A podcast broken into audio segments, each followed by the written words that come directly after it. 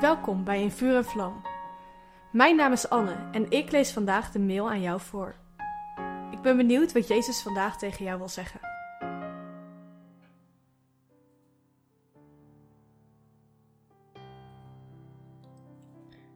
Heb je het al gehoord?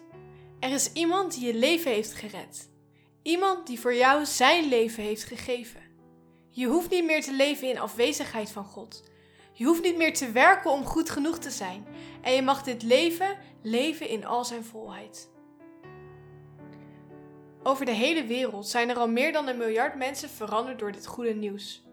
Mensen hebben vergeving, hoop, vrede, rust, troost, een doel en nog zoveel meer ontvangen. En dat allemaal door ervoor te kiezen om te geloven in Jezus als onze Heer en Redder. Zoals Colossense 1 vers 6 zegt, over de hele wereld worden mensen door het goede nieuws veranderd.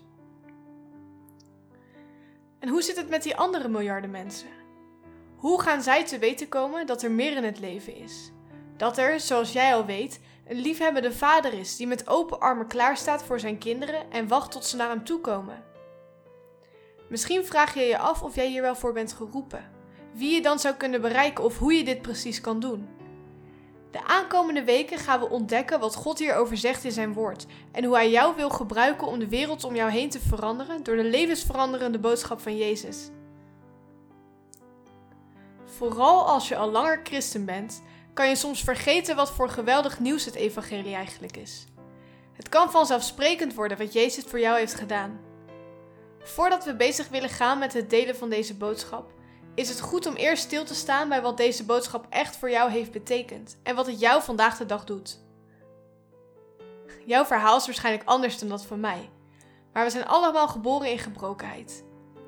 Voordat we Jezus leerden kennen, leefden we niet met het doel en het plan waarvoor we gemaakt waren. We zochten in eerste plaats liefde en bevrediging op plekken die ons maar tijdelijk vulden. Misschien geld, drank, aandacht of seks. Het grootste probleem was de zonde waar we aan vastzaten en die als een muur tussen ons en God instond. Maar toen kwam Jezus. Hij maakte de weg naar de Vader vrij door onze zonde op zich te nemen. En daardoor kunnen wij leven in vriendschap met God en ontdekken wat zijn plan voor ons leven is hier op aarde. Een leven waar we niet langer hoeven te zoeken naar wereldse liefde en voldoening, maar waar God ons elke dag compleet wil vullen met zijn onvoorwaardelijke liefde. Een leven in relatie met Hem, een leven tot Zijn eer Lees Efeze 2, vers 1 tot 10 voor een geweldige samenvatting over waar we waren als mensen en God ons nu heeft gebracht.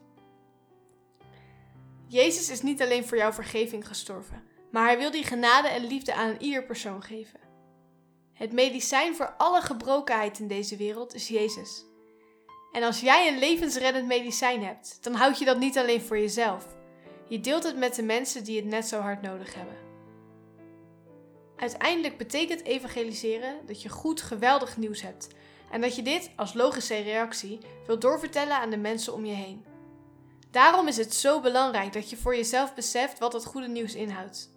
Zoals in Lucas 6, vers 45 zo mooi staat: Waar je hart vol van is, daar stroomt je mond van over.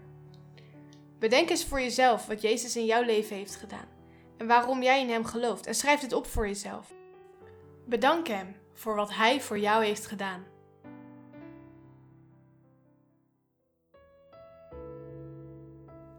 Wat leuk dat je hebt geluisterd naar In Vuur en Vlam.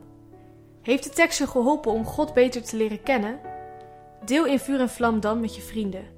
Meld ze aan op streef.nl slash in vuur en vlam.